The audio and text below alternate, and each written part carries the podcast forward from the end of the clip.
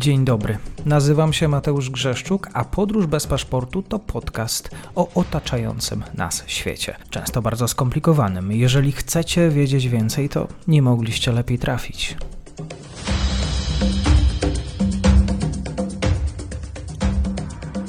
Dzień dobry Państwu, dzień dobry wszystkim słuchaczom. Bieżący komentarz do tego, co się dzieje na Bliskim Wschodzie. Ze mną jest oczywiście Paweł Rakowski. Kłaniam się, dzień dobry.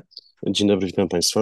Może nie tyle o aktualnej sytuacji, bo cały czas e, różne wieści, e, czy to przerzuty wojsk izraelskich, czy naloty na strefę gazy.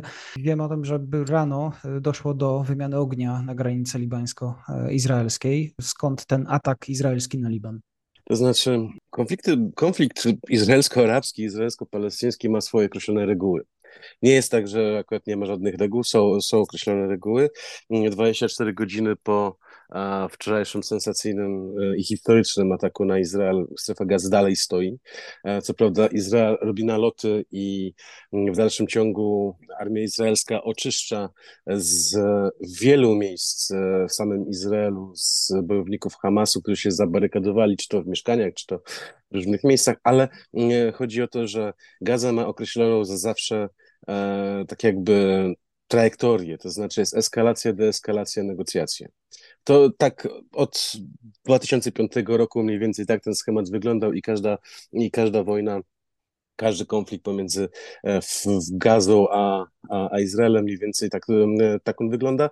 I widzimy, że w, w tej chwili pomimo gromkich i buńczucznych zapowiedzi Benjamina Netanyahu, on tak będzie, raczej zmierza ku temu, to znaczy um, ważne jest to, że um, pomijając oczywiście to, że w tych, w tych nalotach zginęło ponad 400 Palestyńczyków na, na strefę gazy, ale tak jak już mówiłem wcześniej, straty ludzkie są tam nieuniknione, um, to jednak nie ma tej żelaz, żelaznej pięści, która, która była tak gromko zapowiadana i która wydawałoby się, że, że, że akurat nastąpi. Na pewno bardzo ważnym czynnikiem jest to, że w strefie gazy jest 100 zakładników, w tym potwierdzono czterech wysokich oficerów, w tym na pewno jeden generał. E, Aloni, który był odpowiedzialny między innymi za, no, oczywiście w swoim czasie, e, był odpowiedzialny za operacje specjalne armii izraelskiej poza granicami Izraela. E, czyli, czyli Hamas ma bardzo poważne argumenty ku temu, żeby e, te nastroje buńczuczne wypowiedzi Benjamina Netanyahu trochę zdeeskalować i podejść do tematu bardziej poważnie.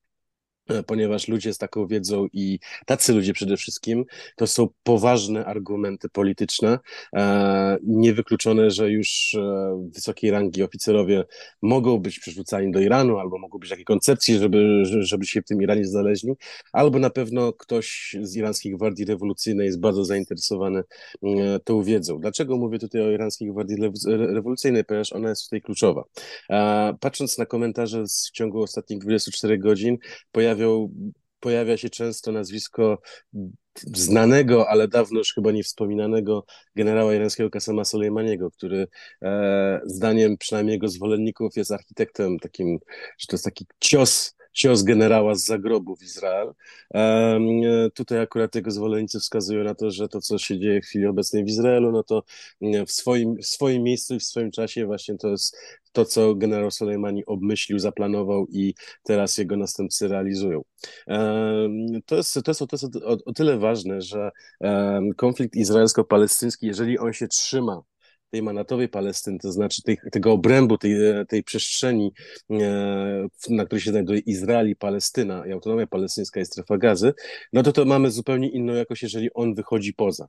Ponieważ w ciągu ostatnich 24 godzin nie doszło do eskalacji, czy to w Jerozolimie, czy to, czy to na zachodnim brzegu, e, czy to wśród Arabów izraelskich, czyli że mamy tak właściwie chwilowo tylko konflikt w jednym sektorze i ten konflikt będzie trwał, ale tak jak już mówiłem wcześniej, są określone reguły, jest określona presja międzynarodowa, zarówno ze strony państw europejskich, Ameryki, jak i też oczywiście krajów arabskich. To bym powiedział, że to jest coś pozytywnego, tak, że, że, że, że na, na ostatnie 24 godziny to jest taki pozytywny aspekt, że póki co jeszcze ten konflikt nie wykroczył poza obręb e, tak jakby tej, tych reguł gry, ponieważ, ponieważ, e, ponieważ są określone reguły gry. E, dzisiaj rano doszło do e, bardzo takiego złowrogiego sygnału, to znaczy Hezbollah ostrzelał izraelską bazę e, na spornym terytorium, ponieważ jest coś takiego, jak co Izraelcy nazywają Hardow, a e, Arabowie nazywają farmy Sheba.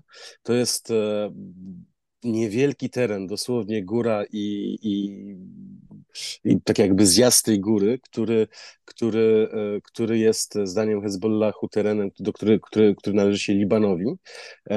Zdaniem Izraela to były tereny, które w 1967 roku zajął z Syrii. To jest akurat wynika z tego, że Izrael jak w 1967 roku zajął wzgórza Golan, to zajął też tą, e, tą, tą, te farmy Szeba, myśląc, że to jest Syria, e, a okazuje się, że to był Liban. To jest, to, jest, to jest pewnego rodzaju taki bardzo duży problem, znaczy to nie jest bardzo duży problem, on, to, to jest po prostu um, bardzo taki powód do różnych zaczepek i konfrontacji pomiędzy Hezbollahem i Izraelem, ponieważ Hezbollah w 2000 roku, kiedy Izrael wycofał się z Libanu, tak jakby stracił sens istnienia jako ruch oporu, no ale te, te farmy Szeba okazały się takim, e, takim, takim tematem, który mm, co jakiś czas się pojawia. No i taką regułą gry pomiędzy Hezbollahem a Izraelem jest to, że e, tak jakby te farmy Szeba to jest miejsce, w które Hezbollah może celować. To znaczy, jeżeli tylko te farmy Szeba są strzelane, to jest odpowiedź Izraela oczywiście i koniec. E, inna sytuacja jest, kiedy, kiedy, kiedy Hezbollah na przykład narusza, te, e, narusza te inną przestrzeń niż farmy Szeba.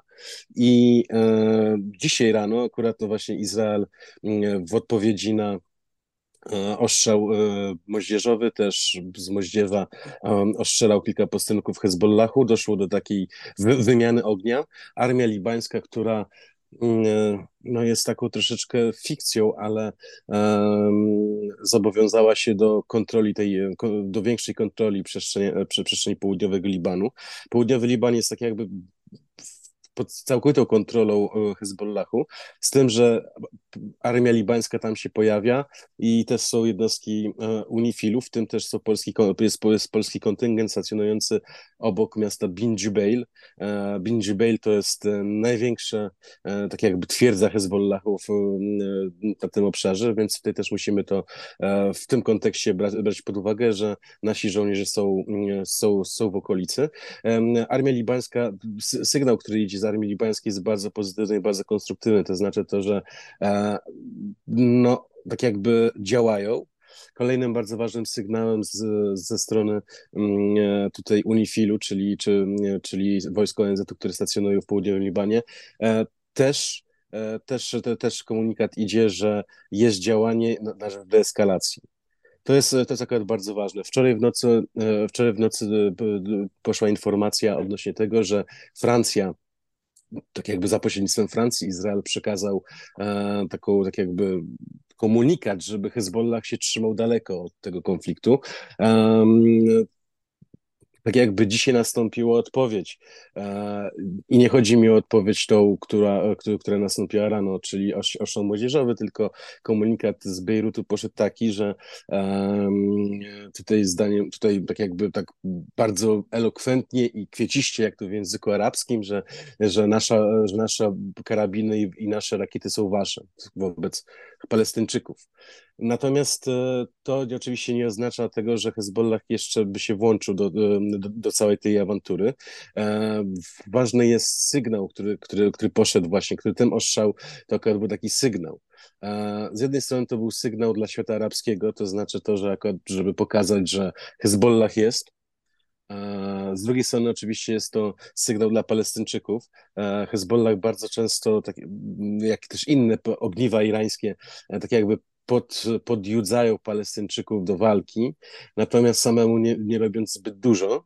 Oczywiście mm, tutaj ta pomoc, e, pomoc w wyszkoleniu, pomoc w uzbrojeniu, pomoc e, logistyczna, wywiadowcza, to ona, ona była, jest i będzie, ale to Palestyńczycy własnymi rękoma i własną krwią mają tak właściwie tutaj e, temat, temat tak właściwie rozwiązywać. To jest akurat istotne. Kolejnym takim, taką moim zdaniem ważnym sygnałem jest to, że na południu Libanu odgrzał, tem, odgrzał się temat palestyński. To oznacza jednocześnie to, że Palestyńczycy już w kwietniu tego roku wyszli ponad 30 rakiet na północny Izrael z terytorium Libanu i to jest pewnego rodzaju teraz taka karta, która, którą, którą Hezbollah może wykorzystywać, ponieważ wiemy wszyscy, że oni kontrolują ten teren ale ich oficjalnie nie ma. Nie ma w, w, Libanie nie ma czegoś takiego jak posterunek wojskowy Hezbollahu. Nie ma czegoś takiego, że się widzi żołnierzy, czy też, czy też jakiekolwiek e, struktury mundurowe poza armią libańską na, na terytorium południowego Libanu. I chodzi o to, że e, takim kolejnym bardzo ważnym e, aktywem, który akurat się może włączyć do tego konfliktu, to są Palestyńczycy mieszkający w południowym Libanie i to automatycznie by spowodowało to, że ktoś by musiał ponieść odpowiedzialność za te ataki. E, I to akurat jest coś, co akurat bardzo mocno komplikuje sytuację, ponieważ państwo libańskie jest bezwładne, więc nie funkcjonuje, więc, nie, więc jest, nie, nie jest w stanie tak jakby tych Palestyńczyków e, spacyfikować.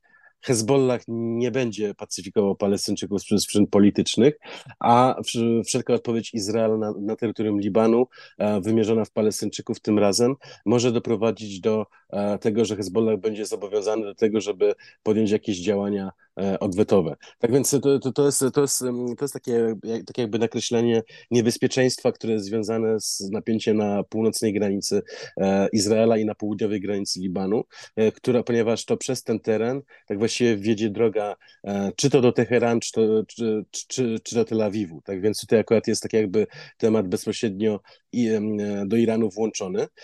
Tak jakby wieńcząc już ten, ten wątek, ciekawo, ciekawymi informacjami jest to, że e, dość dużo ciekawej broni znaleziono e, Hamasu e, w, na, na terytorium Izraela, oczywiście po różnych bojownikach, którzy już, już, już, już zostali zlikwidowani. Znaleziono tam między innymi broń, która była broń amerykańską z Afganistanu. To pokazuje, jak bardzo rozpracowana sieć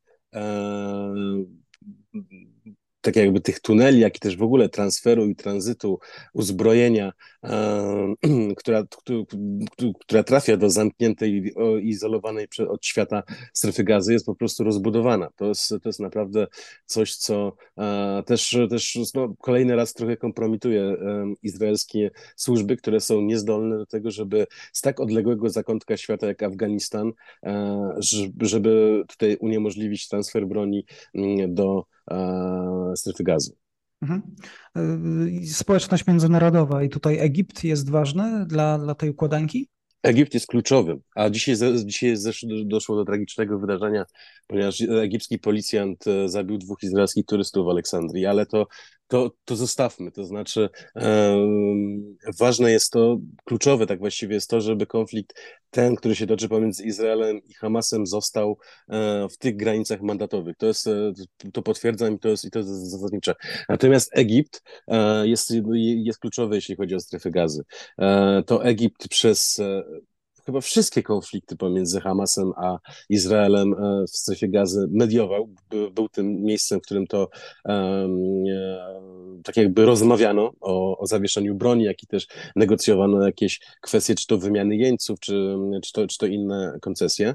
Egipt jest tutaj e, Wczoraj Benjamin Netanyahu zaapelował do Palestyńczyków z gazy, żeby ci opuścili strefę gazy.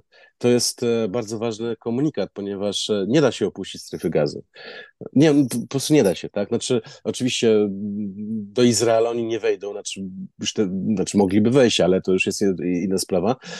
No, Egipcjanie też nie otwierają swojej granicy ze strefą gazy, tak więc, tak więc tutaj akurat jest to istotne. Natomiast Egipcjanie, jak i też państwa Zatoki Perskiej są tutaj kluczowe, jeśli chodzi o, mm, o, o wątek jakiejś deeskalacji, ponieważ w chwili obecnej bardzo ważnym wątkiem jest nie tylko to, że zginęło 400 Izraelczyków e, i 400 Palestyńczyków wedle obecnych, obecnych, e, obecnych ustaleń. Tak? Istotne jest to, że e, w strefie gazy znajduje się 100 izraelskich jeńców i to jest potężna karta przetargowa. Pomijając oczywiście oficerów, pomijając jeszcze mm, e, e, wojskowych, tam jest bardzo dużo cywili, kobiety, dzieci i starców. I to jest teraz kwestia zasadnicza, że priorytet wręcz dla Benjamina Netanyahu, żeby przynajmniej tych. E, te najsłabsze, tak, czyli, czyli właśnie te kobiety, dzieci, starców mm, wydostać stamtąd. I to jest tylko i wyłącznie możliwe dzięki Egiptowi, znaczy będzie możliwe dzięki Egiptowi, tylko że cena, cena jaką Izrael za to zapłaci, będzie brutalna. To znaczy, wszyscy jeńcy, wszyscy więźniowie arabscy tak właściwie opuszczą więzienia którzy, którzy są przetrzymywani w Izraelu. E, z reguły te wymiany były takie, że za jedno ciało izraelskiego żołnierza e, Izrael często wypuszczał po setki albo nawet tysiąc e, palestyńskich więźniów. No teraz można wyobrazić skalę tego, tego, tego do, do, czego dojdzie. No i też jeszcze kwestia podstawowa taka, że te negocjacje, jak i też te rozmowy odnośnie jeńców mogą być trwać latami, dekadami wręcz. E, jeszcze tak chyba pewnego rodzaju wieńcząc, bo tak e, nawiązałem do Kasema Soleimaniego, tak mi się przypomniała jedna taka historia z 2008 roku bodajże, kiedy to e, Izrael wynegocjował z Hezbollahem zwrot dwóch żołnierzy. No to tylko, mowa jest tylko o dwóch żołnierzy, którzy, którzy zostali właśnie porwani, uprowadzeni w lipcu 2006 roku i to właśnie wtedy ten incydent doprowadził do wybuchu do, II wojny libańskiej.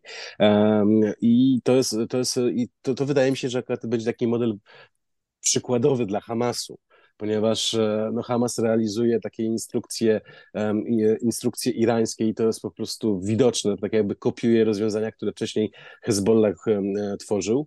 No i kiedy były negocjacje pomiędzy Hezbollahem i e, Izraelem za pośrednictwem Niemiec, tak właściwie nie, nie było wiadomo, czy dwóch żołnierzy żyje, czy nie żyje. Hezbollah odmawiał udzielenia tej informacji i doszło do takiej sytuacji, że przy kamerach CNN-u e, doszło do, do, właśnie do wymiany tam e, kilkudziesięciu libańskich tym razem więźniów, e, którzy zostali wypuszczeni przez Izrael. No i podjechał samochód czarny, taka, taki van, no i, i tak właściwie do ostatniego momentu nie było wiadomo, czy wyjdą żywi ludzie, czy, czy trumny. I wydaje mi się, że akurat takie historie będą, będą w ciągu najbliższych lat e, związane, e, związane z tą setką jeńców, którzy, którzy są teraz w chwili obecnej w strefie gazy. Nie będziemy do końca wiedzieli, czy ci ludzie żyją, czy nie żyją i czy Izrael wymienia e, setki terrorystów i innych, innych zatrzymanych Palestyńczyków za, za żywego człowieka, czy za już po prostu zwłoki. Paweł Rokowski, w podsumowaniu tego, co się dzieje aktualnie, jak spojrzeć na to z perspektywy bliskowschodniej, bardzo dziękuję. Dziękuję bardzo.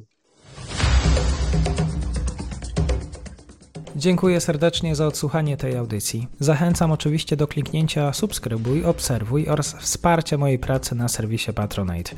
Do usłyszenia.